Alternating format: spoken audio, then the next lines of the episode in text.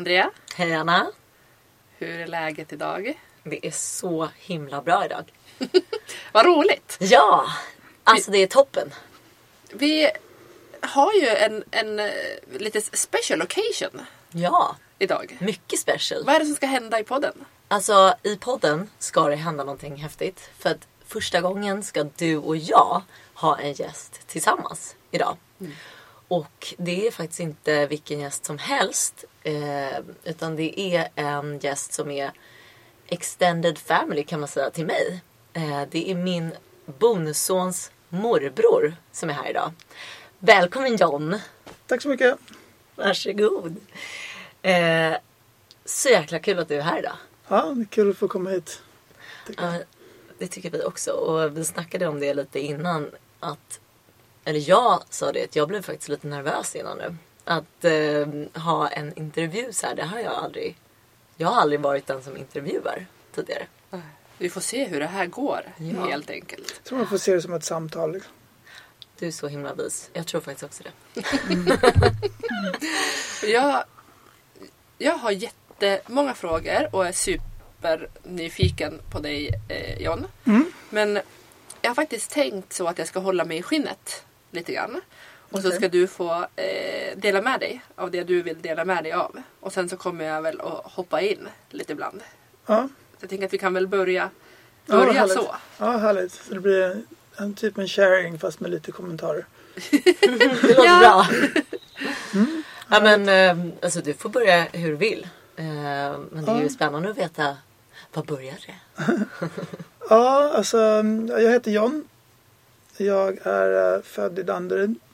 Eh, och jag är... eh, alltså hela min barndom var väl rätt... Den var ju bra, den var jättefin. Jag vuxit upp i en kärnfamilj.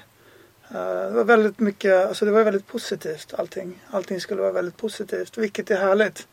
Men jag kan känna eh, nu så här i efterhand när man kollar på det så kanske inte jag fick den känslomässiga mognaden som, som behövdes. För att jag har, ehm, som de flesta människor som har missbruksproblem, har ju problem med att hantera sina känslor. En känslomässig sjukdom.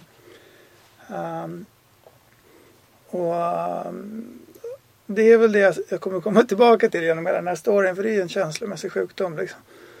Ehm, och under hela min uppväxt var det var bra. Jag var, jag var jag stammade en del, så jag var ju ganska blyg. Ehm, I vilken ålder då typ? Jag började väl stamma, det vet jag inte, man börjar väl stamma typ när man börjar prata kan jag tänka mig. Jag har ingen aning, men så länge, alltså så tidigt som jag kommer ihåg. Mm. Fram tills det att jag åkte till USA när jag var 15, då slutade jag stamma. Det var, det var ett konstigt sammanträffande, men jag slutade stamma när jag började röka gräs. Men det var nog Jag ingenting med det att tänkte göra. nog att det var så. Det har nog ingenting med det att göra. Det, det kommer jag på nu faktiskt. Vad konstigt. Men äh, ähm, i alla fall så. Jag började väl min karriär liksom med alkohol och droger typ när jag var 14 kanske. 14-15. Drack första gången uh, när jag var i Italien på någon så här familjeresa. Uh, och det de flesta människor som pratar om första gången, eller när man hör sharing, som folk som pratar om första gången de dricker alkohol, så blir det kaos och liksom de ligger och spyr och vill göra det igen. Jag fick en perfekt fylla. Den var så jävla bra. så jag, Jungfrukicken var Ja. liksom perfekt. precis, det var ju nästan, ja jag vet inte, det kanske var bättre om man liksom hade legat och spytt, men den där var skitbra. Liksom, rödvin i Italien, i någon liksom, skog. Det var ju fantastiskt liksom. Men först där då började jag inse liksom så här, fan det här, är, det här funkar jävligt bra. För att jag är blyg, jag behöver inte vara blyg längre. Eh, och eh, jag kan börja prata med tjejer. och eh, nej men det funkade bra i början liksom. Jag fortsatte dricka. Uh, började dricka, eh, röka gräs när jag var i, i, eh, på utbytesår i Kalifornien när jag var 15. Sen kom jag tillbaka och började gå, alltså gick på gymnasiet och då började vi spåra mer och mer. Liksom.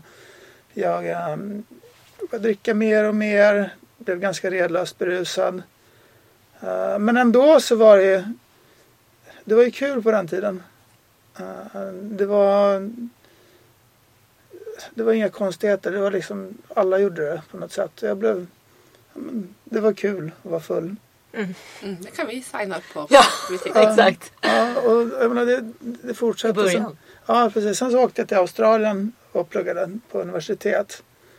Eh, och där var det första gången jag fick konsekvenser med mitt alkoholdrickande. Jag kraschade en bil eh, som kraschade in i en annan bil som kraschade in i en till bil. Mhm. När du var påverkad? När jag var påverkad, precis. Eh, då var jag väl kanske 20. Och då kom jag ihåg att då hamnade jag i fyllecell. Så träffade jag en annan svensk där. Han var, han var skåning. Han bara, jag ska ju för fan inte vara här. jag bara satt där med den där svenska. Jag bara, det är lugnt, jag är också svensk. Sen vaknade jag på morgonen liksom och då hade jag ingen aning om vad som hade hänt. Eh, och, så, och så kollade jag på någon lapp jag hade fått på liksom, på, eh, från polisen. Alltså min, min dåvarande flickvän sa, alltså, fyllde in liksom vad som hade hänt. Och då, um, då såg det, stod det så här 2,14 promille. Liksom. Jag bara, ah, nej men det där var nog ganska mycket. Eh, och det var inte så kul liksom. Eh, jag var fullkomligt livrädd då. Jag bara, vad är konsekvensen av det här? Kommer jag liksom bli deporterad? Kommer jag åka i fängelse? Kommer jag eh, alltså, behöva avbryta mina studier och allt det där liksom. Så den rädslan som kom av det där, det gjorde faktiskt att jag var nykter i, i ett år. Oj! Ja, men i ett år och då var det så här. Men jag liksom. Jag var ju tvungen att betala en massa pengar till alla de här människorna liksom. Som jag hade kraschat in i. Det var ingen stor krasch. Utan det var ändå liksom bilar som gick sönder. Det var ingen som skadade sig som tur var. Bilar som gick sönder. Och jag hade inte så mycket pengar. Så jag, jag, sa så här, ja men. Hur ska jag lösa det här? Jo, jag äter nudlar i ett år. Och liksom bara använde alla mina pengar till att betala tillbaka de här stackars människorna som jag hade liksom orsakat. Och så, så jag åt nudlar och surfade, för surf var gratis. Liksom. Jag var där och surfade. Eh, och det året var faktiskt så här, jag, men, jag blev väldigt mycket bättre på att surfa och jag mådde faktiskt relativt bra. Eh, men sen så, så man glömmer ju bort ganska snabbt. Sånt Det är där. intressant det där att ha en sån där um, en händelse som bilkraschen. Mm. Eh, det har man ju hört. Jag har hört många i liksom, nykterheten som berättar om det här när de var i 20-årsåldern. Gjort någonting som är helt sjukt. Mm. Eh, något som blir en jättekonsekvens tidigt. Och sen är du nykter i kanske ett år, två, tre och mår toppen. Mm. Men sen så slutar man vara nykter av någon anledning. Liksom. Ja. Och det är intressant att så här, ja, sen någon gång där så glömmer man bort att det var ju rätt vidrigt det där som hände och det vill jag inte ska hända igen men det glömmer man ju liksom. ja, I glömskans sjukdom är det ju det här. Ja men precis. Man, man, man glömmer bort det. Alltså, rädslorna liksom försvinner på något sätt. För att du kanske inte var, du, du kanske inte hade blivit kidnappad då av beroendesjukdomen. Eller vad tror du? Var du redan liksom, Ja, var där, du redan det där är en intressant uh, liksom fråga, alltså, frågeställning. Är man, föds man beroende eller blir man beroende? Liksom? Eh, Jag tror i och för sig jag föddes beroende. Ja, jag vet inte om, om jag ska vara riktigt ärlig. Jo, jag drack för mycket. Det gjorde jag såklart. Kunde jag sluta? Ja, jag kunde sluta det där året. Men jag fortsatte ju sen. Så det där är väldigt svårt. Jag har ingen aning om jag var beroende då eller om jag inte var beroende. Jag vet bara att jag hade väldigt svårt för att hantera mina känslor. Jag, liksom, jag kunde bli väldigt arg snabbt. Jag var impulsiv. Ehm, och ehm, gick ofta in i en offerroll. Eh, att saker och ting hände mot mig. Eh, och Ja, är det, var det en del av beroendesjukdomen? Ja, jo, men det var det. Det var ju vissa drag som, som handlar om sjukdomen. Liksom. Gärna hamnar i harm och liksom tycker synd om sig själv och allt det där. Men det kan man ju även göra utan att vara beroende av något. Så det är så svårt att svara på det. Liksom. Mm. Men jag kände väl att det var väl i alla fall. Jag tror att det var ju en början på allting. Eh, En, en del i ledet som i, liksom till, till avgrunden om man ska kalla det för. Ja. Eh, Ja men okej, så då bodde du där i Australien och var nykter i ett helt år och surfade och levde livet. Ja, precis. Och hur kom det sig att du sen inte fortsatte vara nykter? Eller vad hände då? Jag, alltså, jag vet inte exakt vad som hände. Det var bara att jag blev sugen på att börja dricka igen. Eh, och, Easy, ja, easy liksom. alltså, man, man gick på universitet. Det var ju, det var ju kul. När all den här ångesten har lagt sig, all det där liksom, skamkänslorna och skuldkänslorna har lagt sig så ja, men då är det back to normal. Men det är också intressant för att bara för att man har glömt någonting så betyder inte det att det finns kvar i kroppen. Liksom. Allt sånt där, skuld och skam, allt det där som har hänt, det behöver ju bearbetas. Mm. Och det är, annars så, så sätter det sig i kroppen. Det är som att cykla liksom. I början måste du tänka jättemycket hur du gör för att cykla men sen sätter det sig i kroppen. Som något sorts minne. Jag har ingen aning om var den upplevelsen sitter just nu men jag har ju bearbetat det nu. Mm. Men uh, det är väl en del i ja men den grejen satte sig i kroppen och så sätter sig andra grejer som är dumma saker i kroppen liksom, hela tiden framöver. Som gör att man liksom bygger på den här skuld och skambanken liksom. Av något slag. Så att det blir värre och värre och jag tror att det är därför, i alla fall för mig, att man får mer, jag fick mer och mer ångest efter eh, av mitt knarkande. För att det är mer och mer konsekvenser som det har fått. Mer och mer saker som man inte bearbetar, som man liksom skyfflar undan. Mm. Uh, och jag menar, förr eller senare så är ju soptunnan full. Liksom. Så himla sant. Ja, och, Det är ju verkligen så. Undrar om det är då man når sin botten. Men Det kanske precis, är olika storlekar på en soptunna bara. liksom. Att vi har ju pratat om att det är liksom en psykologisk botten och inte en botten av att man har förlorat allt fysiskt. Att man inte har hem eller pengar eller relationer Ja. utan behöver nå en psykologisk botten. Ja. Så tänker jag att utifrån hur du beskrev det som att soptunnan är full. Ja.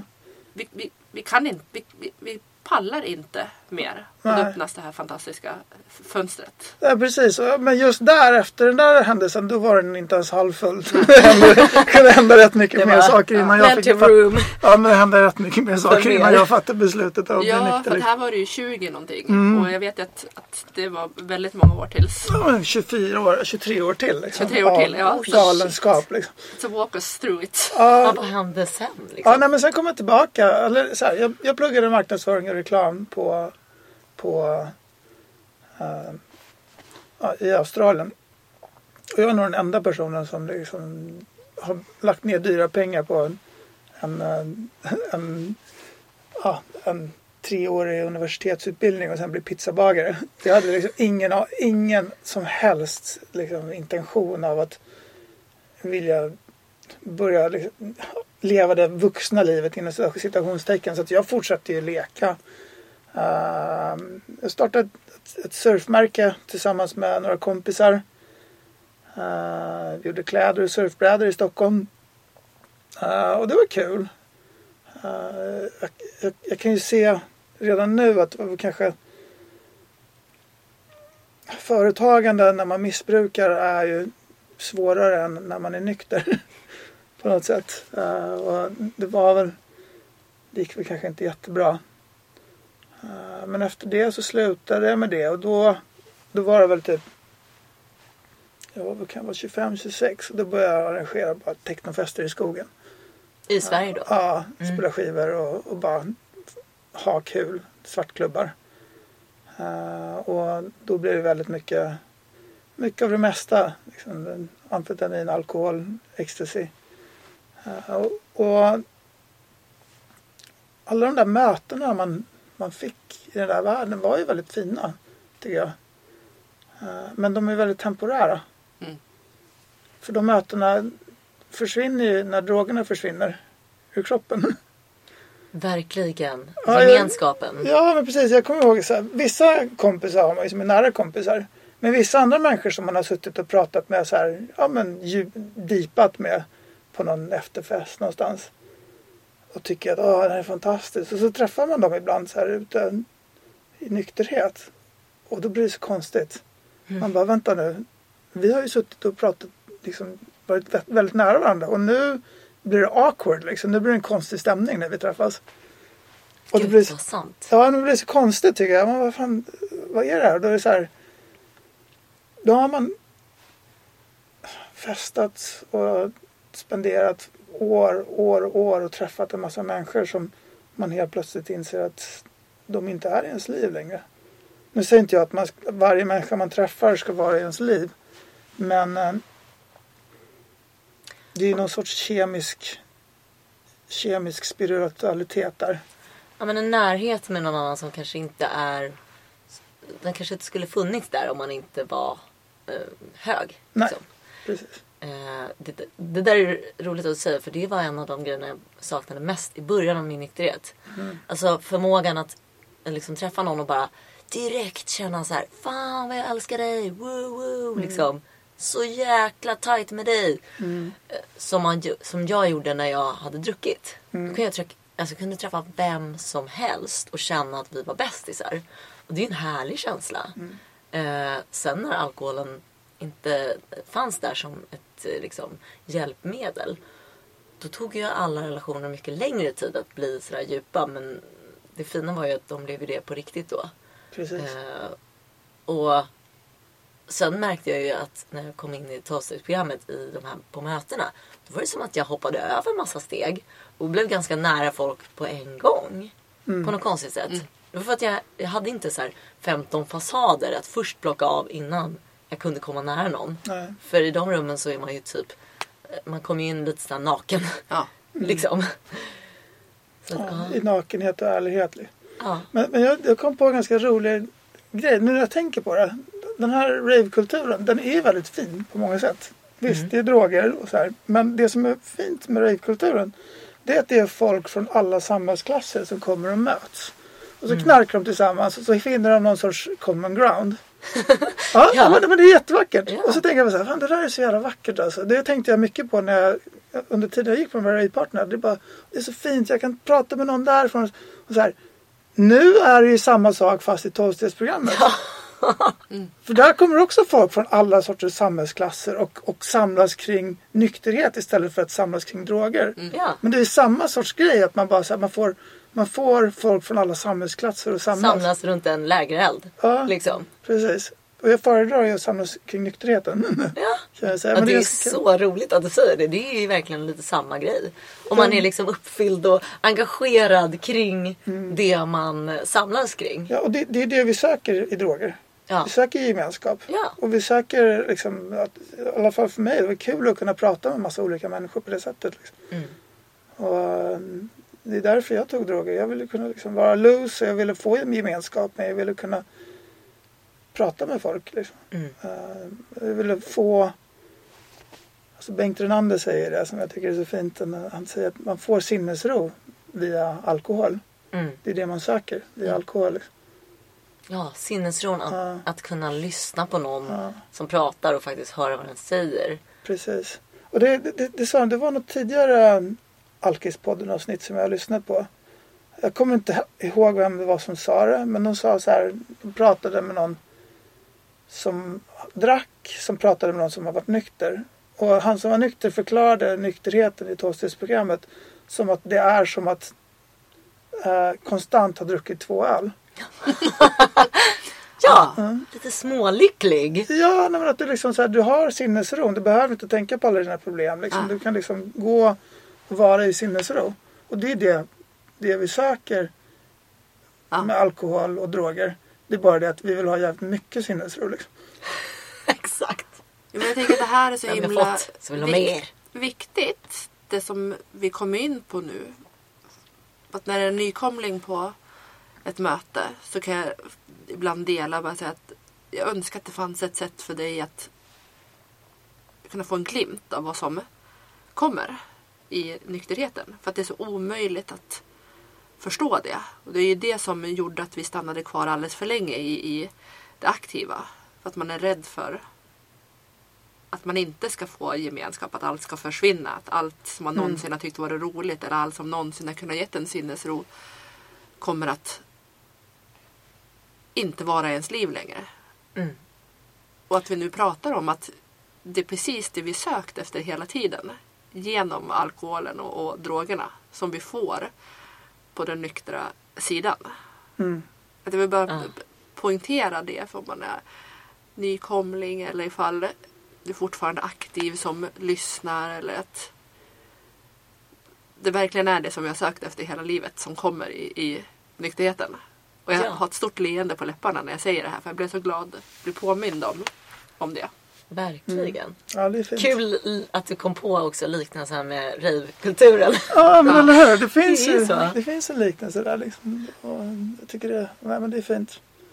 Okej, så du var ute i skogar och spelade skivor och anordnade fester. Precis. Hur länge hade du det som jobb liksom? Ehm, så jag tog en massa ströjobb också. Jag reste tält och skottade snö från tak och liksom ja, men, levde bohemiskt. Det gjorde jag väl fram tills kan jag ha varit 30-31 så typ 6-7 år.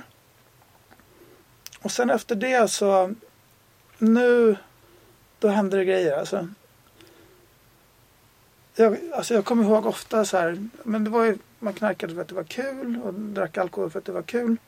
Men sen var det också när saker och ting hände som, som kände, när, när världen var emot den. Liksom, när det hände saker som kände att ja, men nu har det hänt det här mot mig. Och så går man in i självömkan och självskadebeteende. Uh, och då, då börjar man ju missbruka eller knarka och dricka alkohol av en helt annan anledning. Mm. Det är för att skada sig själv. Liksom. Man slår på sig själv på något sätt. Uh, ibland kan man göra det för att man tycker att världen har gjort någonting mot en. Eller så kan man göra det för att man tycker att man själv är värdelös och borde ha gjort, agerat bättre. På något sätt, liksom. Så det finns ju massa olika anledningar till varför man dricker alkohol och knarkar. Det är för att ha kul men det är också för att slå på sig själv och för att hämnas världen på något sätt. Mm. Det är lite det som Harm brukar beskriva som liksom att man, man hämnas på världen. Mm. Fast det man gör är att man sitter och ältar saker i huvudet och den enda som mår dåligt är en själv. Liksom. Mm. Ehm, Det, Ah. det, det, det, det är som, exakt som den där sägningen, jag kommer inte ihåg men vad som sa det. Men det är som att dricka, att inte förlåta är som att dricka gift och hoppas på att den andra personen ska ta skada.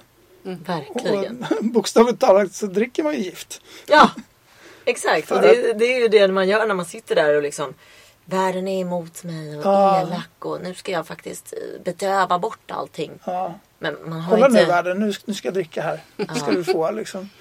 Men det är det enda verktyget man har liksom. Ja. Om man inte har lärt sig något annat verktyg. Som du var inne på att du inte kanske hade. Nej, jag hade väldigt få verktyg. Det var väl alkohol och, och, och droger. Sen så har, har jag väldigt mycket nära vänner som jag pratar med också. Så att jag har väl ändå haft någorlunda bra självinsikt känner jag. Och jag har ju alltid haft den här äh, längtan efter eh, någonting mer i livet.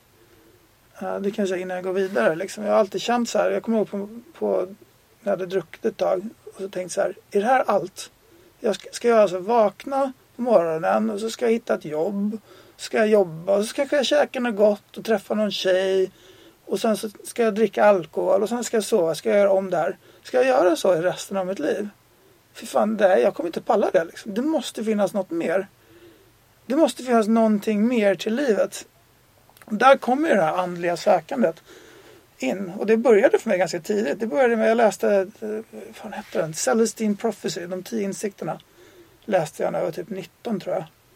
Det var första, liksom, första inblicken man fick i den andliga världen. Mm. Men det var så här, wow, det här var häftigt. Det här var coolt. Kan man leva så? Och sen börjar man dricka och så glömmer man bort det. Liksom. Exakt. ja, men då fick man ju lite så här, okej, okay, coolt. Och då, det var lite som att andligheten knackade på lite, lite sådär. Uh, och bara gjorde sig hörd för att falla i glömska och sen kanske komma tillbaka sen senare i livet. Ja. Uh, och det var väl här nu går, jag, nu går jag tillbaka. Då var jag 30-31 år gammal. Och då kom jag ihåg att det var någon knas med någon tjej och jag blev jättedeprimerad. Uh, och man, går ner, man går ner sig totalt för att man, man behöver ju ha stimulit från omvärlden. Man behöver ha bekräftelse från tjejer, bekräftelse från folket. Och försvinner den, då har du liksom, det finns inget skyddsnät. Du har inte dig själv. Du faller avgrundsdjupt ner liksom i, in i smärta Mm. och missbruk. Uh, och då kom en till lite sån här uh, hint, spirituell hint via The Power of Now med Eckart Tolle. det var första gången jag kände uh, sinnesro, tror jag. Läste du den? Ja, jag läste den och så gick jag, eller jag gick och lyssnade på den, kommer jag ihåg. Och då, då minns jag så här, men det, jag vet inte hur länge jag höll i sig, men det var kanske en månad. När allt, alla problem var bara borta. Jag gick runt och lyssnade på de här i Stockholm och bara satt och kollade på så här, gud vilken vacker soptunna och bara så här av, men alltså, jag bara, det här var närvarande? Jävla, ja men det är så vackert allting liksom. Vad som helst kunde vara vackert. En jävla betongmur, oj. Gud vad vacker den här betongmuren är liksom. Och då, det var den andra gången den liksom knackade på den här spirituella alltså andligheten. Uh, men den försvinner också snabbt. För att, jag menar, du måste ju aktivt jobba på den. Du kan få glimpsar av, av den, liksom glimpses. Och, men sen så, så måste du börja städa upp. För att behålla den här andliga spänsten. Liksom. Mm. Uh, men i alla fall. Det fortsatte i alla fall. Det här, jag fick för mig att jag, eller jag och min farsa.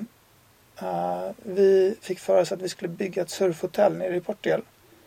Uh, min pappa är inredningsdesigner, han är arkitekt och jag hade jobbat tidigare en sommar på ett surfcamp.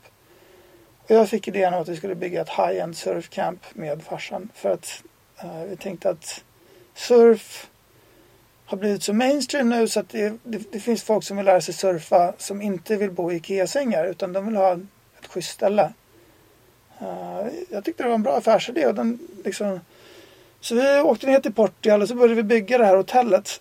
Uh, som jag skulle driva då.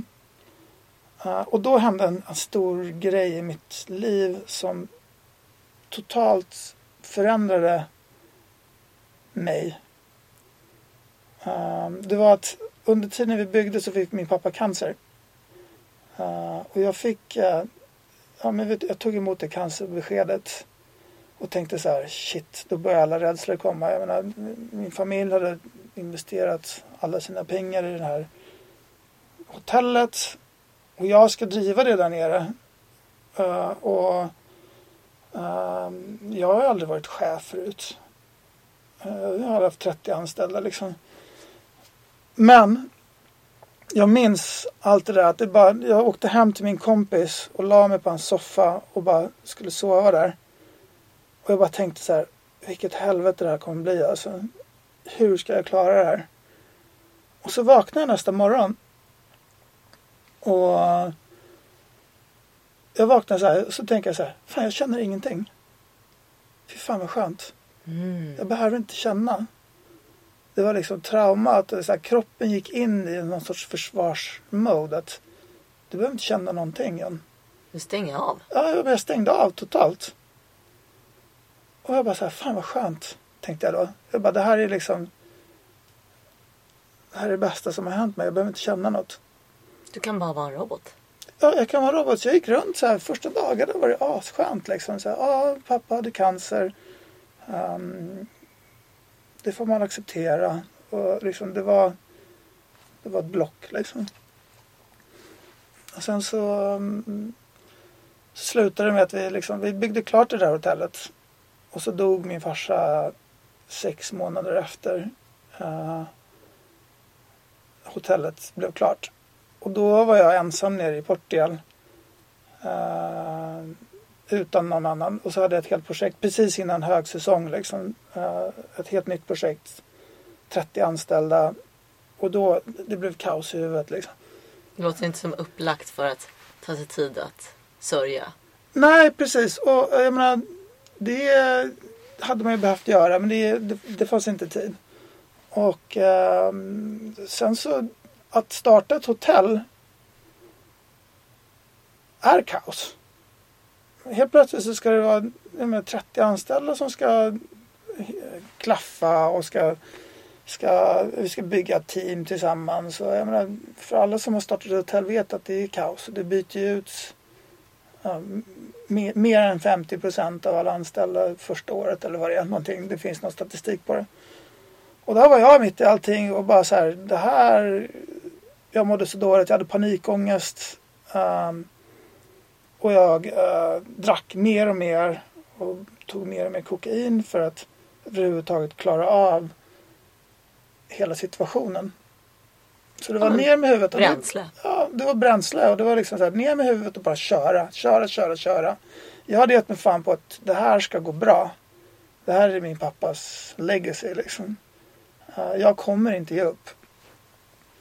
Uh, och så hände det en massa grejer. Jag knarkade mer och mer. Och, och, he- och jag mådde så dåligt, jag var så deprimerad. Men samtidigt så var jag tvungen att umgås med gäster varje dag. Sitta och käka middag med dem. Och nya gäster varje dag. Jag mådde sämre och sämre och sämre. Jag behövde ta mer och mer kokain, mer och mer alkohol bara för att överhuvudtaget orka med. Liksom. Alltså mardröm. Alltså jag får typ ont i magen när jag hör det. Ja. För att när man är... När man mår dåligt då vill man ju inte hålla på att vara social. Och sätta på en fasad och le liksom. Nej. Men det var ju typ ditt jobb. Ja. Eh, utifrån sett så var ju hotellet värsta succén. ja, det blev det också. Alltså det var ju succé. Det känns som att varenda svensk man har träffat som har varit i Portugal har varit på det hotellet liksom och surfat. Och eh, så här skön vibe och liksom. Du var ju liksom en mood manager. Men på, det är det som är intressant att liksom baksidan, eller liksom bakom kulisserna så Ja. är det mörkt. Ja, precis. Så är det. Och jag menar, där, där någonstans så började soptunnan i alla fall nå kanske halv... Det var halvfull kanske började... Men den fylldes på ganska snabbt den där Du soptunnan. liksom. trycka ner i den Ja, men, bli... ja, jag behövde nästan köpa en sån här garbage compressor liksom, med lite starkare kokain bara för att få ner liksom. men, eh, men, men där så träffade jag min, min fru. Eh, min exfru. Eh, och vi var båda lite, vi var båda ensamma, hon är från USA, vi var båda ensamma i, um, i, eh, i Portugal. Jag träffade henne på Tinder. Och, och vi blev kära. Eller så här, jag, det här är också så här, man vill ju försöka kontrollera sina känslor hela tiden. Liksom. Hur ska jag liksom få det här att funka? Så jag, jag plockade upp henne på flygplatsen. Hon hade kommit tillbaka, hon hade varit i USA och hälsat på. Och så plockade jag upp, jag hade aldrig träffat henne. Så plockade jag upp henne eh, och så åkte vi upp till mina, min, mina föräldrars hus. Och då bara, fan, vi måste ju bli kära. Hon är så otroligt vacker den här tjejen. Jag måste bli, vi måste bli kära i varandra. Så jag köpte två gram MDMA. Och så bara drog vi oss det där. Vi var jättekemiskt kära i varandra liksom. Och sen gifte vi oss. Uh, kanske inte dagen efter liksom. Men uh, det var ju alltså.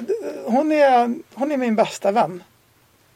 Och vi, vi, vi hamnade i någon sorts um, medberoende relation grej. Det var ju bara hon och jag. Jag hade inga andra vänner där nere. Jag hade bara anställda.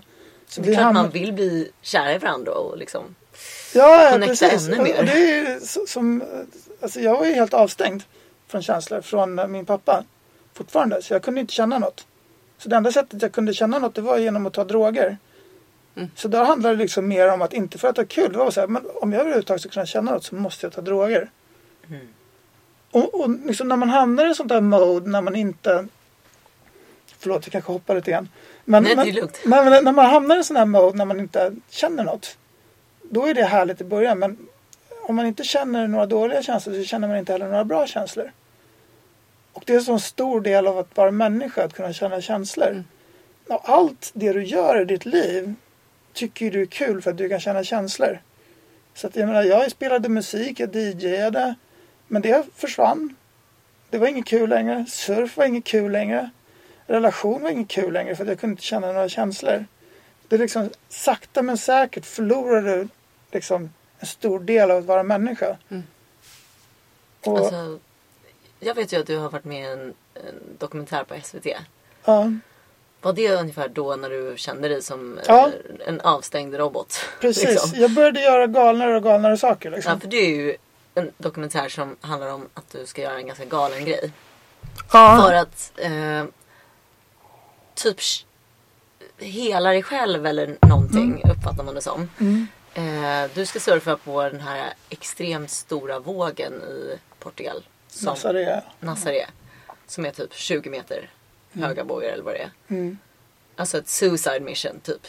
Eh, och du gjorde det för att känna någonting eller? Ja, jag, jag behövde, alltså, jag behövde Jag behövde göra sådana saker för att överhuvudtaget känna. Jag behövde göra sådana saker för att få någon sorts sinnesro också. Uh, surf för mig, alla extremsporter har jag nu i efterhand inser jag gör mig lite grann för att hamna i sinnesro och närvaro. När du står på en våg så är du närvarande. För det är det enda du kan tänka på. Mm. Men om man surfar 25 år, då kan jag stå på en våg och börja tänka på vad jag ska laga till middag ikväll. Liksom. Det kan inte jag. nej, nej, men om man har gjort det så mycket och då sitter det så himla mycket och då blir det så här, då måste jag göra galnare och galnare saker. För att hamna i den här sinnesron och också för att känna. Det, här är min efteranalys av allting. Jag, jag förstod inte varför jag ville ta den här vågen när jag väl gjorde det. Det, det, det verkade ju när man ser dokumentären som är väldigt fin. Mm. Eh, men också lite sorglig. Eftersom att man ser ju att du mår väldigt dåligt. Mm. Eh, och du säger ju det också att så här, jag mår så jävla dåligt nu. Mm. Eh, och alla runt omkring förstår ju inte vad är det som händer. Varför ska han surfa på den här 20 meter höga vågen och, och förmodligen dö? Liksom, Mm. för, för det gör ju folk där. Mm. Ehm, man förstår inte, vad håller han på med? Och det är det som är det är ju det här sinnessjuka kan det se ut som utifrån men det är ju, det är ju liksom ett sökande efter sinnesro Mm. du höll på med. Precis. Med ditt lilla verktyg Ja, liksom. men det är det. Och jag tror att de, de, de flesta som håller på med sådana där sporter är ju sökande. Mm. Och det ligger väldigt nära, missbruk ligger väldigt nära till hands på, för de människorna som sysslar med det där också. Verkligen. Så Tack det, för att du hjälper mig att förstå. Ja. Jag åkte ju jag åkte snowboard i massor med Ja. år och gjorde säsonger i, Alperna. Ja, okej. Och det funkade ju ett visst lång tid. Men du satte ordet på det så bra. För att till slut, till slut så började ju mitt dåliga mående, mitt, mitt ångest gå ut över det roliga med att åka.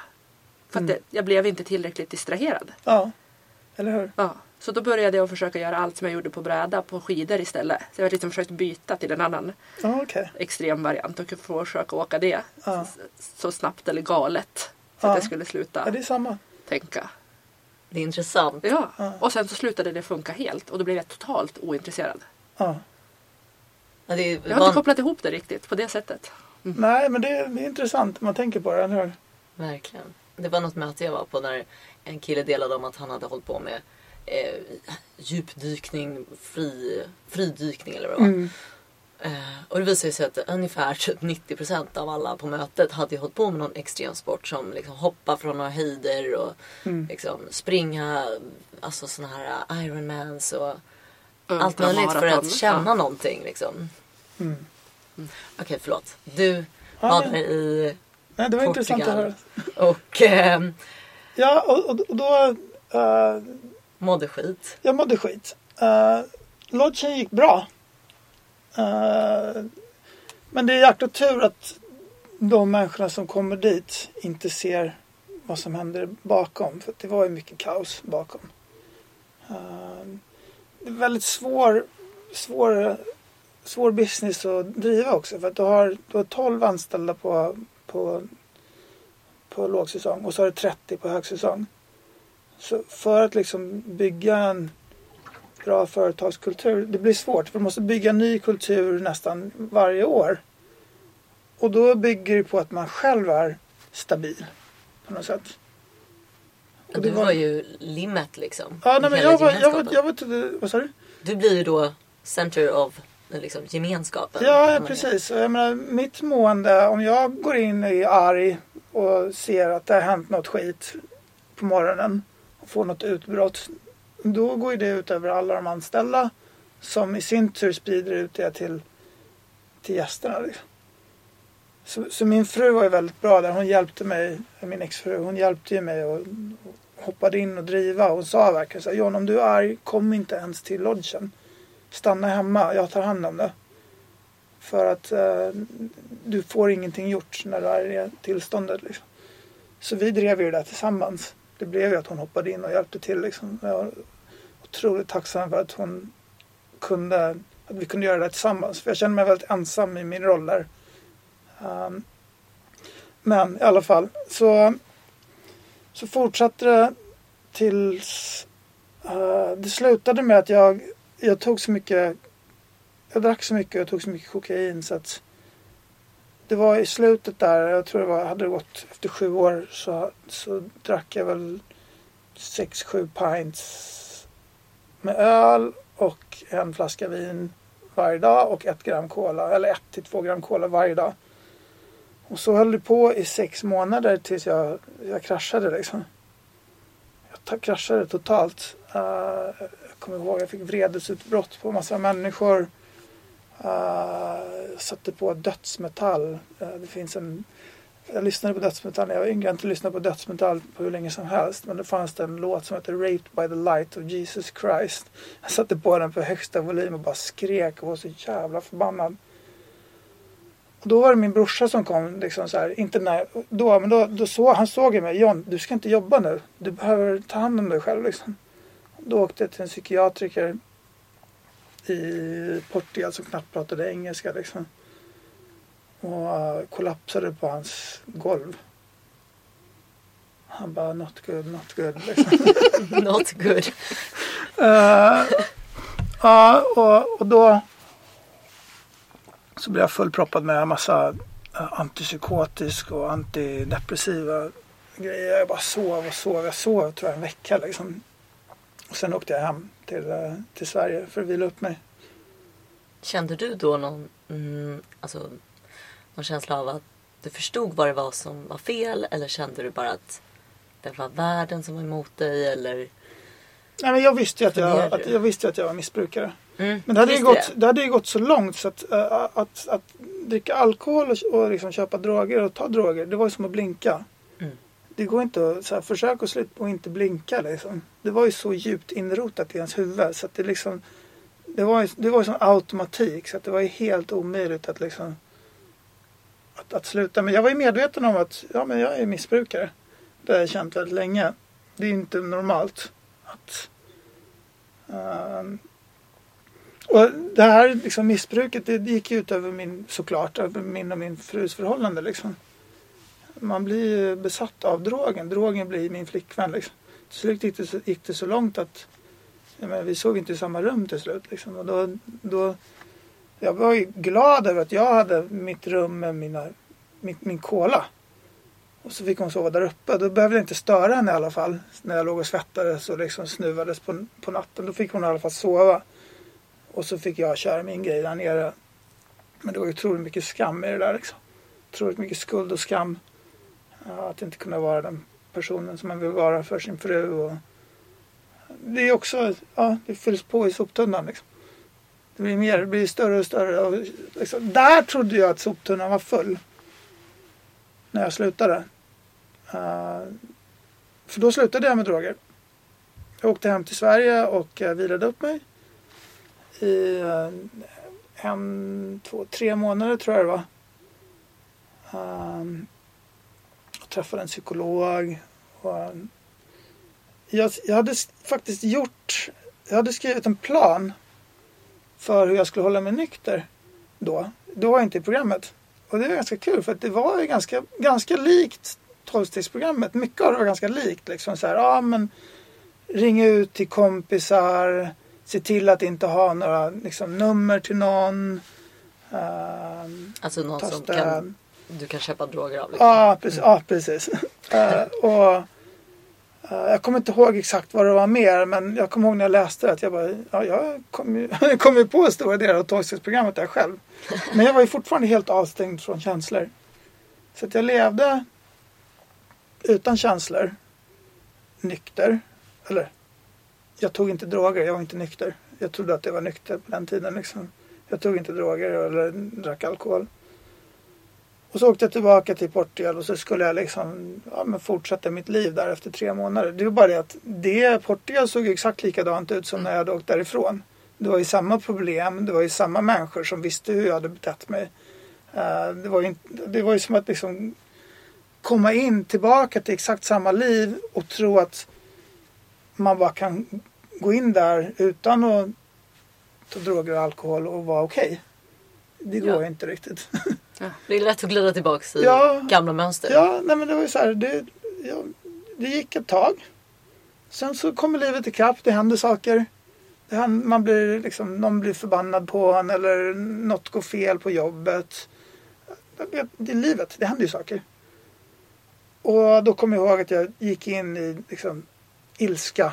Väldigt mycket ilska, väldigt mycket frustration för att livet blev inte exakt som jag ville att det skulle bli. Jag försökte styra allting. Liksom försöker styra 30 anställda och 40 gäster varje, varje vecka. Det, det, det händer saker liksom. Och det blir aldrig som man hade tänkt sig. Liksom. Men jag, jag fortsatte leva där. Det höll på sådär i två år. Jag klarade ändå av det liksom.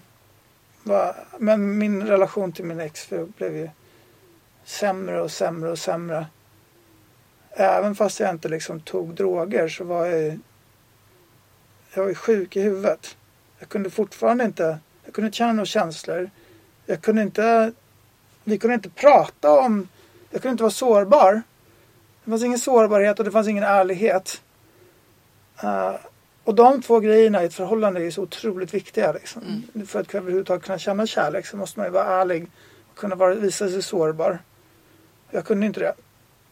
Så det blev nästan värre än när jag missbrukade att vara med henne.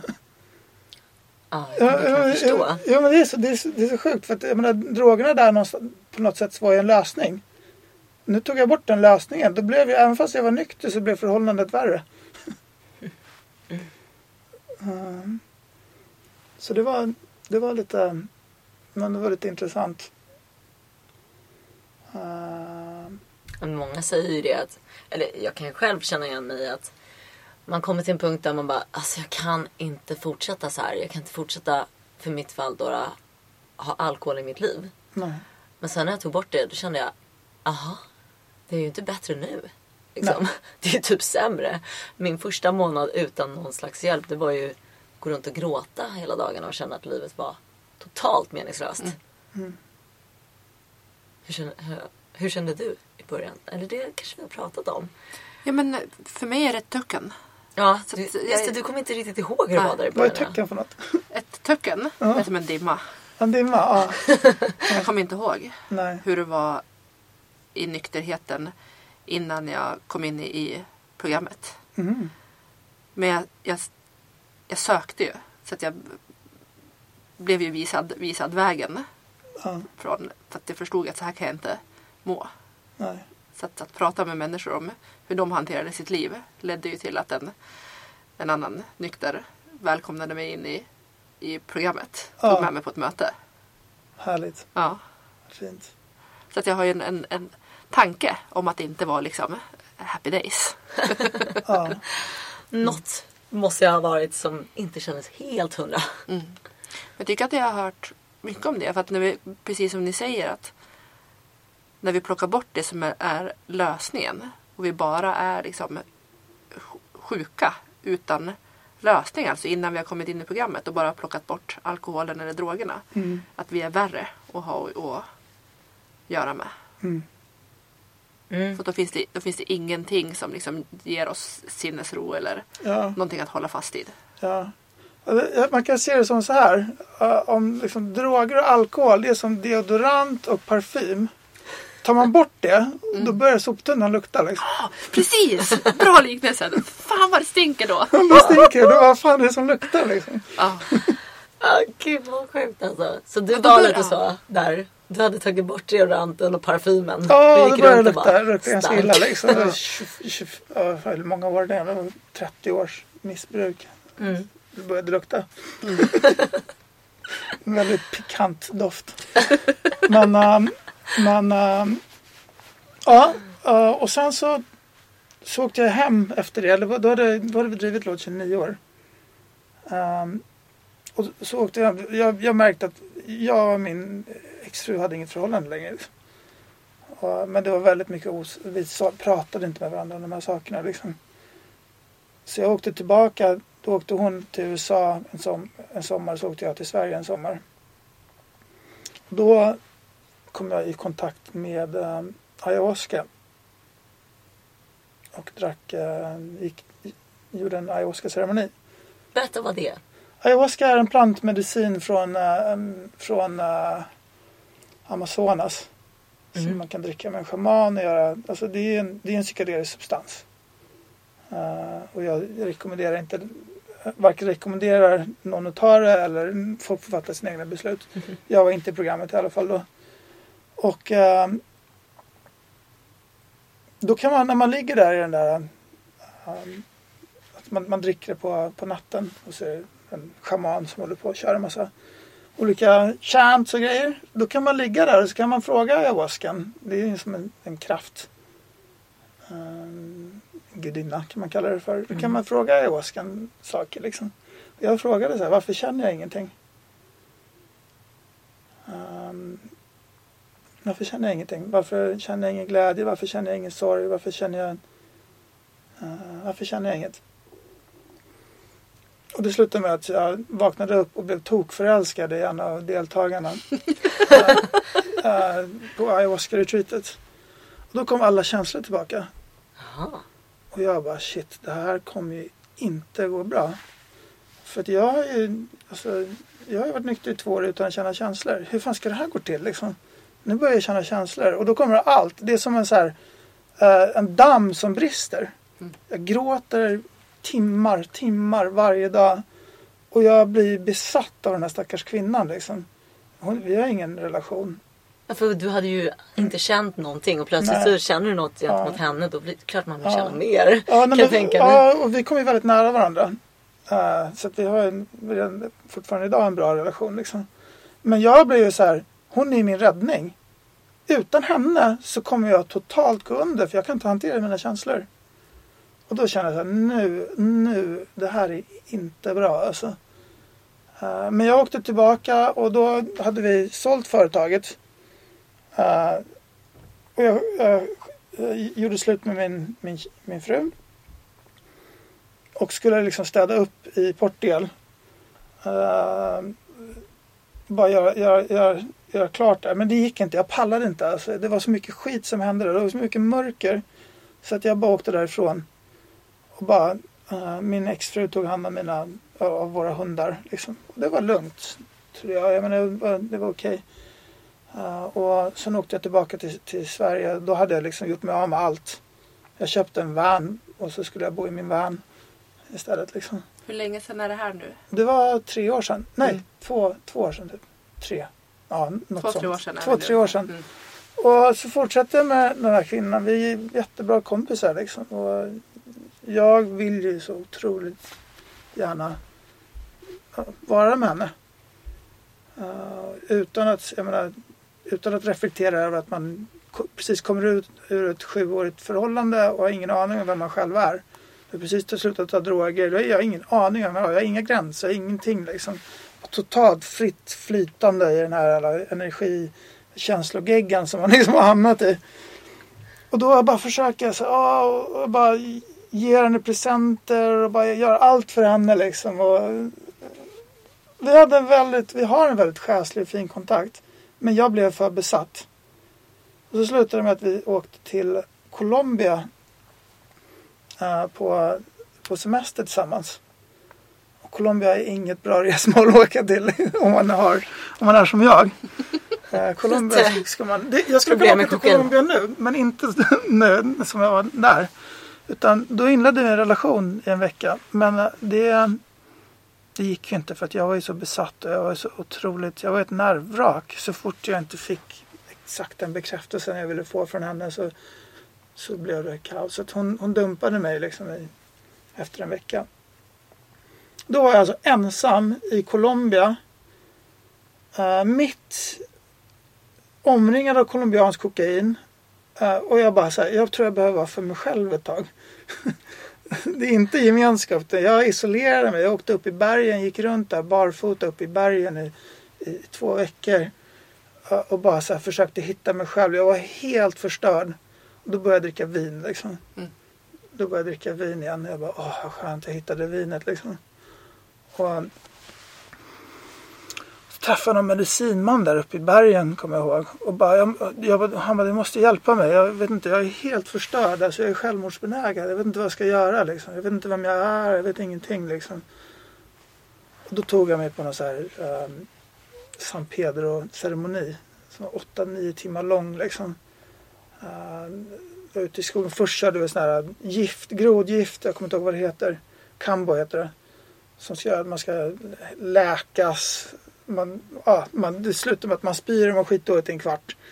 Och sen så, så, så börjar vi ta den här meskalin-ceremonin och så sitter vi runt i en cirkel och det är en massa, det var bara colombianer, det var inte jag, så var jag själv där. Jag satt och bara lyssnade på alla. Det var en vacker ceremoni. Men jag var helt förstörd. Jag bara så här, vad fan ska jag göra? Vad fan ska jag göra? Jag hade börjat dricka alkohol. Jag var livrädd för jag såg att det här började leda tillbaka in i där jag var innan liksom. Det här kommer inte bli bra liksom. Och då så i alla fall den där ceremonin, ceremonin höll på hela natten. Och sen slutade det med en sweat lodge. Vilket är någon sorts alltså, spirituell bastu liksom. Mm. Alla går in i den här sweat lodge. Med, med 20 pers sitter man och trängs. Och så ligger man där. Det, det var första gången jag bad till Gud. Där inne. Jag låg helt lerig på golvet där. Grät och bara så här. Gud hjälp mig. Jag måste, jag måste få hjälp liksom. Uh, och det inser jag nu i efterhand. Så här, ja, men jag har inte tänkt så mycket på bön så här, i programmet. Men det var första gången jag bad. ja, fint. Ja, och sen så kom jag ur det där. Och fortfarande helt förstörd. Åker ner till Medien och lägger mig på ett hotellrum. Liksom. Och var helt förstörd. Så jag, jag pallade inte. Jag köpte tre flaskor vin och två gram kokain. Eller två, tre gram kokain. Då hade jag inte tagit kokain på typ tre år. Liksom. Uh, och då höll jag på att dö en överdos ensam. Mm. På ett hotellrum i Colombia. Uh, jag var så paranoid. Jag låg och väntade. Jag trodde att de hade lagt kokain i väskan. Så jag packade om den en massa gånger för att jag skulle åka hem till Sverige. Liksom. Och så låg jag där och bara kände på pulsen som gick upp så här 100 till 180 och ner till 60 och vet helt upp och ner. Bastade, eller så här, jag duschade 20 gånger. Uh, och sen åkte jag och någonstans där så låg jag och tänkte så här. Det enda skälet till varför jag inte liksom ger upp nu det är för att jag inte vill att min mamma ska se mig. Um, nej men ska hitta mig död. I Medin? Ja, i Medin i Colombia. Det är inte så här. Vadå, så ska hon försöka frakta hem kroppen och så här. Nej, men det går inte liksom. Mm. Någonstans där så beslutar jag mig för att om jag ändå ska leva då kan jag lika gärna göra det på rätt sätt. Ja, allt eller inget. Ja. Ska man leva kan man leva toppenbra. Ja. Ska man må dåligt så kan man må riktigt skit. Liksom. Så där kom, kom det. På hotellrummet i den här. Ja. Då... Ska jag leva så får jag väl lika ja. gärna göra det bra. Ja, och då under den tiden jag var på Alltså under det här ruset. Typ, jag vet inte om man kan kalla det för överdos men det var, det var nära liksom. Då chattade jag med en, en kompis till mig som har varit i programmet länge. Uh, och bara sa att jag behöver hjälp. Det här går inte liksom. Han bara, du är missbrukare Johnny. Jag bara, vadå? Nej, men jag har bara druckit lite alkohol. Liksom. Så här, försökte lura bort det liksom. Men djupt inne så fattar man ju att man är missbrukare.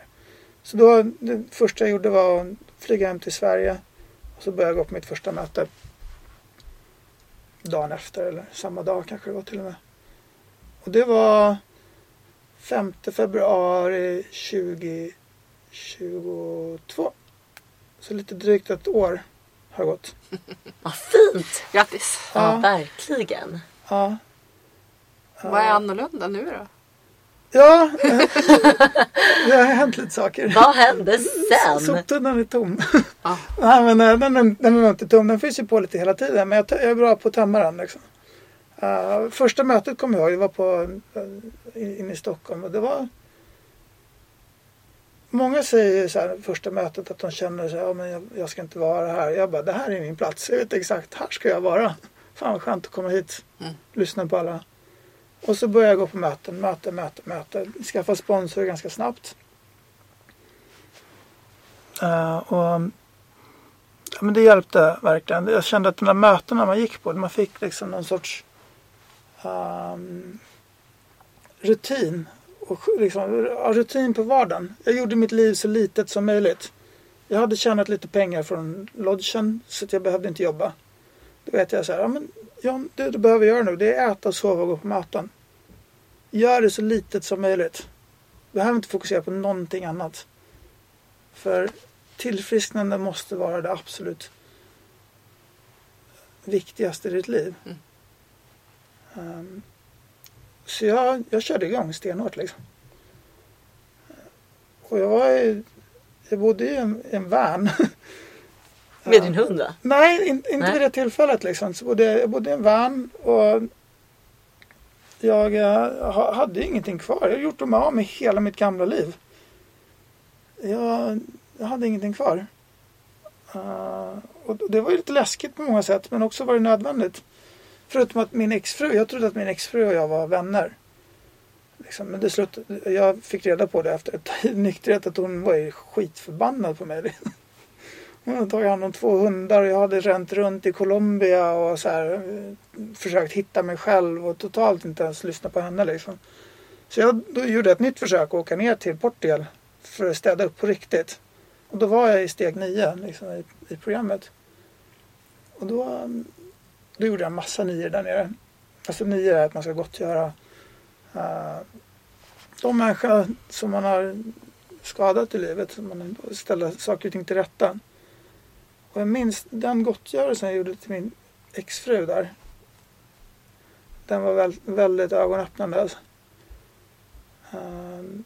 Vad fint. ja, alltså det gick från att hon typ inte ville prata med mig till att jag aldrig haft så djup relation som henne under sju års uh, förhållande. Och nu är vi jättebra vänner. Bara på grund av att jag la mig ner platt och bara säger så här, men jag har gjort det här, det här, det här liksom. Jag förstår att det förmodligen har påverkat dig liksom. Och bara gett henne utrymme och, och säga sin story utan att kommentera, utan att försvara sig. Bara sätta sig platt. Det är någonting som innan man gör det kan kännas jobbigt. Och under tiden man gör det så bara känner man hur soptunnan bara liksom Mm. töms. Och det går ju emot vad man har fått för sig att man ska göra. Eller jag upplevde i alla fall tidigare innan jag gjorde min första gottgörelse så här, innan jag började med programmet att alltså, om jag inte tänker på att jag gjort något fel då har jag nog inte gjort något fel. Och, och liksom, man behöver inte gå runt och fråga om man gjort något fel för då kanske någon säger något. Liksom. Så hellre att man bara inte lyssnar, man bara kör på, man låtsas som ingenting. Ehm, men att däremot sätta sig ner och bara, hur upplevde du det? Är det något jag har gjort fel?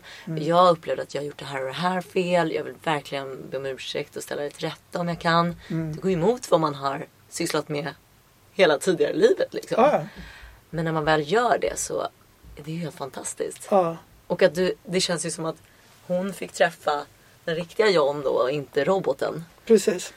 För robotar har inte så himla mycket känslor och de är nog inte så bra på att lyssna. liksom. Ja, precis.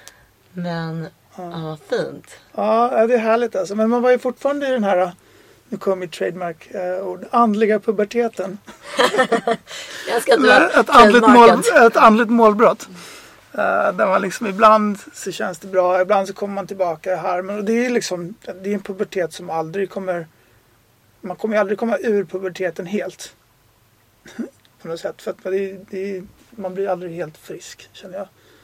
Utan det är ett dagligt jobb. Mm. Men, men jag åkte i alla fall hem efter det och tog med mig en av hundarna. Foamy Rollin heter han, en skön. Och då, då så började jag jobba hårt i, i programmet. Eh, men jag kände också, jag, jag, hade, jag hade inget jobb, jag hade bara programmet. Och jag kände, jag hade en sån otroligt stark känsla av att vilja vara själv. Eller vänta, vi kan ta det här, det här är ganska intressant. Typ tre, fyra månader efter programmet Mm. eller efter eh, jag blev nykter så träffade jag en annan tjej. Ehm, och jag fick exakt samma eh, kärlekskänsla för henne som jag fick för hon som jag var i Colombia med.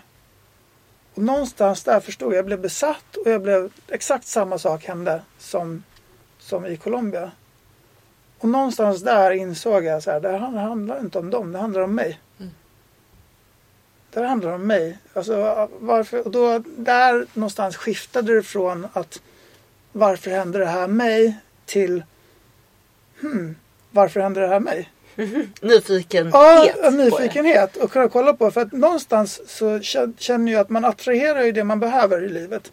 Om man inte lär sig av en läxa så får man samma läxa om och om igen från universum eller Gud eller vad man kallar det för. Och, och någonstans där insåg jag så här, men det här hände ju mig. Det, det, det här är samma smärta. Ja, du hade inte lärt dig kanske någonting från Nej. tidigare? Och då, då kände jag att nu behöver jag vara själv liksom. Så jag åkte ut i skogen med min van. Eller upp till Lofoten åkte jag först liksom. Och vandrade med min hund i en, en månad. Och sen åkte jag och bara parkerade på olika så här, naturreservat under sex månaders tid. Och var ute i skogen själv och gick på online-möten. Sen var jag ute i skogen själv med min hund och mediterade och bara var för mig själv. Liksom. Shit. Ja, och, och, och det är en så stor skillnad man börjar i tillfrisknandet. För att förr i tiden när jag var för mig själv. Det, finns ett engelskt uttryck. There's a big difference between solitude and isolation. Uh, förr i tiden när jag var själv då slutade det alltid med att jag rökte crack i någon gränd. Eller hamnade i någon sorts jävla knipa liksom. Ja, då kände du dig ensam? Ja, jag kände mig ensam liksom. Men här så började det skifta till att jag faktiskt trivdes med att vara med mig själv. Jag var inte helt ensam, jag var med min hund. Mm. Uh, så jag, jag spenderade liksom, ja, men typ sex månader där och bara Alltså, här, jag var inte helt i skogen. Jag drog in och käkade pizza ibland och så träffade jag någon kompis som bodde någonstans. Men för det mesta var jag själv. Och där började jag kultivera relationen till mig själv igen. Liksom. För jag insåg att jag har ingen aning om vem jag är. Och I stillhet och i tystnaden med naturen så läkte jag otroligt mycket. Och med programmet såklart. Eh, och sen dess har jag liksom gjort, jag har gått till grunden, då var man i steg 11. Steg 11 är att man ska börja söka sig utåt och kolla på andra liksom, vägar spirituellt. Så att jag har gjort allt. I och med att jag har intresserat mig för alltså, andlighet i mitt missbruk så vill jag ju gå, gå, gå längre än tolvstegsprogrammet. Liksom. Och då har jag verkligen börjat gå till botten med eh, att tömma den där sop, soptunnan liksom, och kolla på barndom, um, sorgebearbetning. Jag har varit på Bara Vara som ett uh, retreat uppe i Dalarna. Uh, sysslar med tantra och relationskurs. Och verkligen så här, det, det blir nästan en besatthet av, liksom, av, av personlig utveckling. Och den här sjukdomen, är, ja, den här sjukdomen är ganska lustig för det blir ju det blir oftast att man blir besatt av andra saker. Och jag har börjat kolla på, börjat inse mina coping mechanisms. Liksom. Vad händer när jag inte vill känna något? Liksom? Ja, men då tränar jag. Och så tränar jag tills jag skadar mig. För att jag är i huvudet. Jag är så här, jag måste träna, jag måste träna och helt plötsligt så får jag en förslitningsskada. Om jag bara hade varit närvarande i min träning så hade jag inte fått den här skadan. Men istället för att någonting som är faktiskt sunt för en blir osunt i och med det här eh, missbruket. Så att man skadar sig. Liksom. Det blir en... Så, så bara kolla på massa olika coping mechanisms. Vad är, det, vad är det jag verkligen gör för att inte vilja känna? Fint att du sa också att om du bara hade varit närvarande i din träning Mm. så hade du kanske inte skadat dig. Mm. Eh, för det är ju egentligen, man kan ju säga att det är det som är hela poängen med att liksom, jobba med sig själv i, i stegen. Att så här, lära sig hur man är ens närvarande. Hur är man ens det? Hur, Mm. hur är man det utan att ta till alkohol eller droger? Eh, och sen, hur gör man så att livet där man är närvarande i är trevligt? Mm. Inte massa skam och skuld. Man måste ju först titta på det och sen rensa ut det och sen se till att inte lägga på ny skit. Precis. Liksom. Precis. Man, man, man, börjar nyfiket kolla på varför man är som man är. Varför man beter sig som man gör. Liksom. Jag kan ju kolla tillbaka nu på min tid på lodgen. Där finns det, det finns några rädslor där. Som gjorde att jag stannade kvar. Först är det att jag duger inte. Uh, jag borde göra mer. Och jag är rädd för att uh, inte ha uh, pengar. De tre sakerna gjorde att jag stannade i 8-9 år. De tre rädslorna gjorde att jag stannade 8-9 år. Och höll på att offra min psykiska och fysiska hälsa. På grund av att jag var styrd av de tre rädslorna. Liksom. Nu kan jag så här, kolla på, nej men det är saker som har hänt synkronicitet. Jag kan berätta en sak som är ganska intressant som hände häromdagen. Jag har ju, jag har inget fast hem, jag har inget jobb. Eh, men ändå så känns det som att det här året är mitt mest framgångsrika år i livet. För att jag har lärt mig så otroligt mycket av mig själv. Och jag håller ju på att skriva så här mantran och grejer nu. Liksom. Jag har ju vissa mål. Jag vill inte bo i en van resten av mitt liv. För det är rätt jobbigt med en hund. Så att jag försöker ju liksom sakta men säkert bygga mitt nya liv och hitta ett hem. Då har jag skrivit en mantra så här som det står så här. Uh, I'm on my way to my new peaceful home. It's surrounded by nature, by the water and mountains.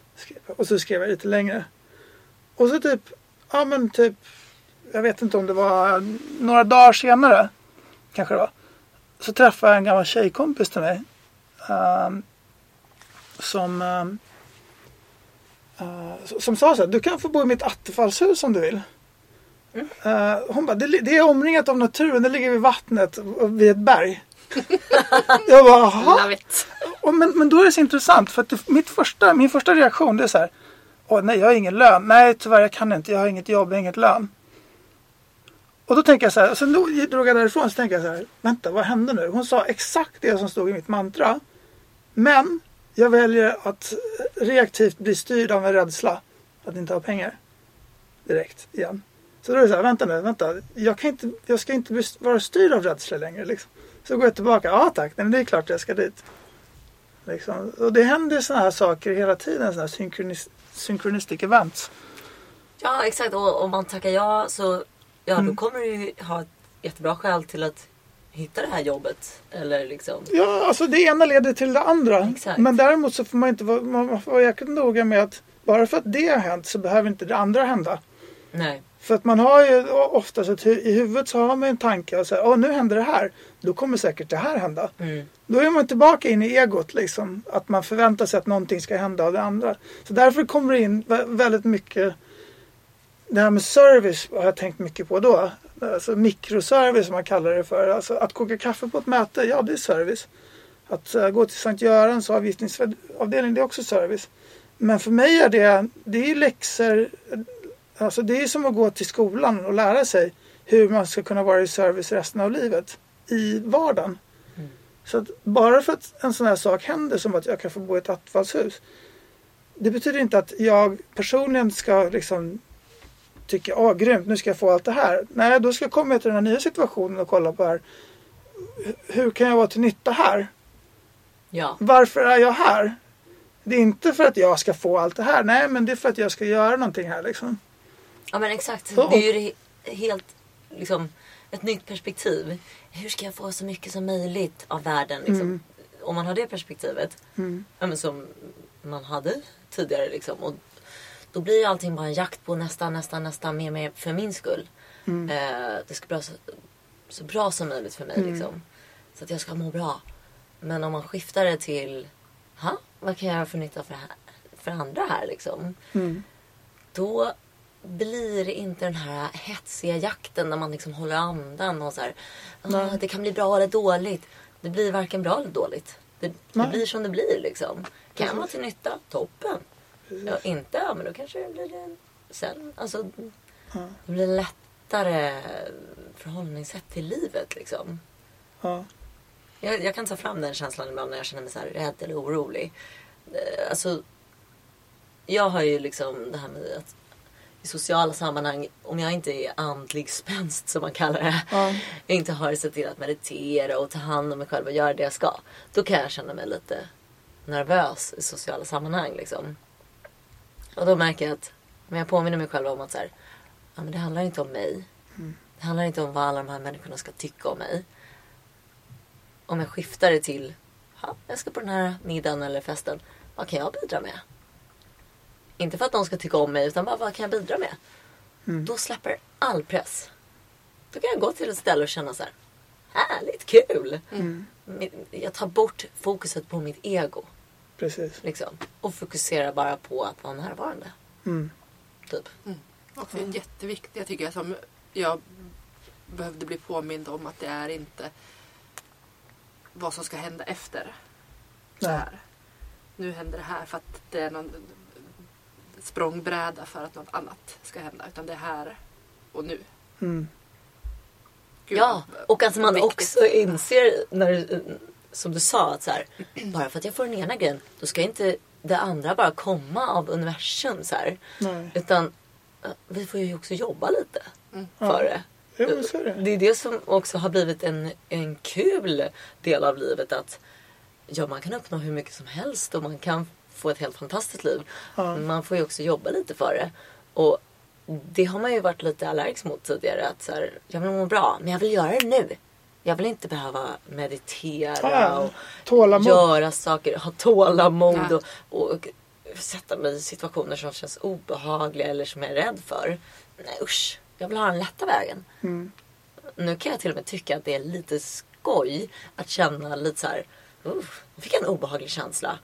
Mm. Uh, nu, nu ska jag gå in och vara lite nyfiken på vad är det där? Ja. Liksom. Eller hur? Hur kan jag jobba med det här nu då? Vad kan jag lära mig liksom? Mm. Jag tycker det var fint det där du sa om- att när man får en känsla som är en jobbig upplevelse. Och så kommer den igen. Och igen. Ja. Fan vad elakt av universum. Ja då är det läxor. Jag Eller har hur? inte lärt mig något tidigare. Eller hur? Det är väldigt fint. Ja, nej, men det är fint alltså. Jag håller på att läsa en bok nu som heter, eller jag har läst klart den, men jag kan rekommendera som heter Think Like a Monk Mm. med Jay Shetty. Uh, och munkar är ju de, de lyckligaste människorna i världen. De har, liksom, de har gjort, de har mätt, mätt uh, nu, okej, jag kan inte exakt termer, men gammavågor kanske det heter. Som liksom, som är lycka. Um, det kanske är helt fel exakt, men okej, men det det handlar om det är att de har högst nivå av det i, i världen. Liksom. Och de äger ingenting. Uh, men däremot så är de i service till andra. Och det är det som skapar riktig liksom, lycka som håller. Mm. Det är att Ja, vara i fint. service. Att göra gott för andra. Mm. Så att, nu säger inte jag att alla behöver liksom bli munkar. Men det finns mycket visdom att, att ta ifrån munkarna. Liksom. Jag tycker det är fint.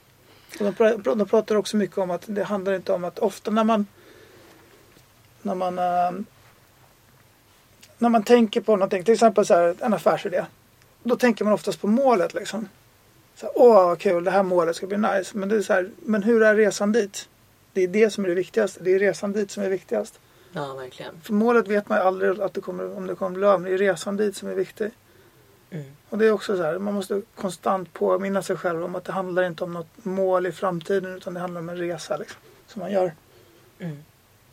Ja, vad fint. Alltså, jag, tr- jag tror att vi eh, ska börja runda av. Och det är fint att eh, ha fått höra din life story och Mm. varit med på den här resan. Kul Där inte målet är målet. Kul, kul, kul att få dela. Ja, tack för att du gjorde det. Ja, det är också kul för det, det vi sysslar med nu är ju service. Exakt. Nu, vi- Varken, ingen av oss får betalt för det här liksom, utan vi gör det för att vi vill sprida en nykterhet till andra och det är otroligt vackert. Man får ju väldigt mycket fint utav det. Alltså. Ja, verkligen. Alltså det håller jag med om. Och jag måste passa på att säga det till er som lyssnar att det är så fint att det är många som hör av sig och berättar att podden har hjälpt er eh, hitta någon slags eh, nyfikenhet kring att vara nykter och vissa har eh, lyssnat massa och försöker hitta någon pepp och vissa har till och med lyckats bli nyktra och ja, vi blir jätteglada för alla meddelanden, verkligen. Och det känns som att eh, det här är nog inte första gången du kommer prata i en podd. John. Nej, jag vet inte kanske. Vi skulle kunna sitta här resten av dagen faktiskt. Men eh, vi ska börja runda av nu och jag tänkte, är det något som ni vill avsluta med? Och liksom, Ja, vad tar vi med oss från den här stunden? hur mycket som helst tar jag med mig. Ja. Ja. Vill du börja Massa. Ehm, ja, jag har ju någon, någon, någon insikt om rädslor. För att det blir en ny grej, jag vet inte. Ehm, det är så här. Du, du, du, om du är rädd för att inte har tillräckligt med pengar så finns det inte tillräckligt med pengar i hela världen för att bota den rädslan. Är du rädd för att vara ensam så finns det inga förhållanden i världen eh, som kan bota den här rädslan. Du kan inte bota rädslor med att ge den vad du är rädd för. På något sätt. Du måste lära dig att vara ensam. Du måste lära dig att kanske inte vara beroende av, av pengar i den mån som du är. För att uh, bota den rädslan. Fint! Mm. Den ska jag ta med mig och liksom suga på karamellen i huvudet. Ja, det var en ny grej. Ja men det var väldigt bra. Eh, jag tar med mig väldigt mycket bra som du har sagt. Och eh, ja, men, jag vet inte var jag ska börja. Så fint verkligen. Och det är kul att ha följt dig på avstånd. Jag har ju gjort det liksom, genom eh, familjen. Att jag har sett dig. Jag har in, vi har inte känt varandra så bra alls tidigare. Liksom. Eh, men jag förstod ju att du mådde dåligt liksom, på avstånd bara. Eh, och sen så kom du in i samma tolvstegsprogram som jag. Och nu är det så kul att få lära känna dig och känna så här. Men fasen, det känns ju som att vi har varit kompisar i hela livet. Typ. hur? Eh, Så jag är jätteglad för det. Och det är, ja, jättekul att få höra din story och sen nu få fortsätta följa din resa liksom. Ja, kul alltså. Ja, det är kul att, få, kul att få komma hit. Alltså. Ja. Jag tar med mig påminnelsen om att hålla det enkelt. Att min fina hjärna har en, en fantastisk förmåga att komplicera saker. Något så djävulskt. Och när du sa att du bara gjorde det du skulle. Typ äta, sova, gå på möten. Så slog det an en sträng i mig. att jag ska titta lite på hur jag kan gå lite mer back to basic. Jag behöver det. Så tack hörni. Tack. Mm, verkligen. Tack Härligt. hörni. Grymt. Och eh, nu går vi ut i solen och njuter. Ja. För det är faktiskt sol ute. Även om vi sitter här i en mörk källare och myser. Ja. Vi ses om ett tag. Ja. Ha det bra. Ha det bra. Hej!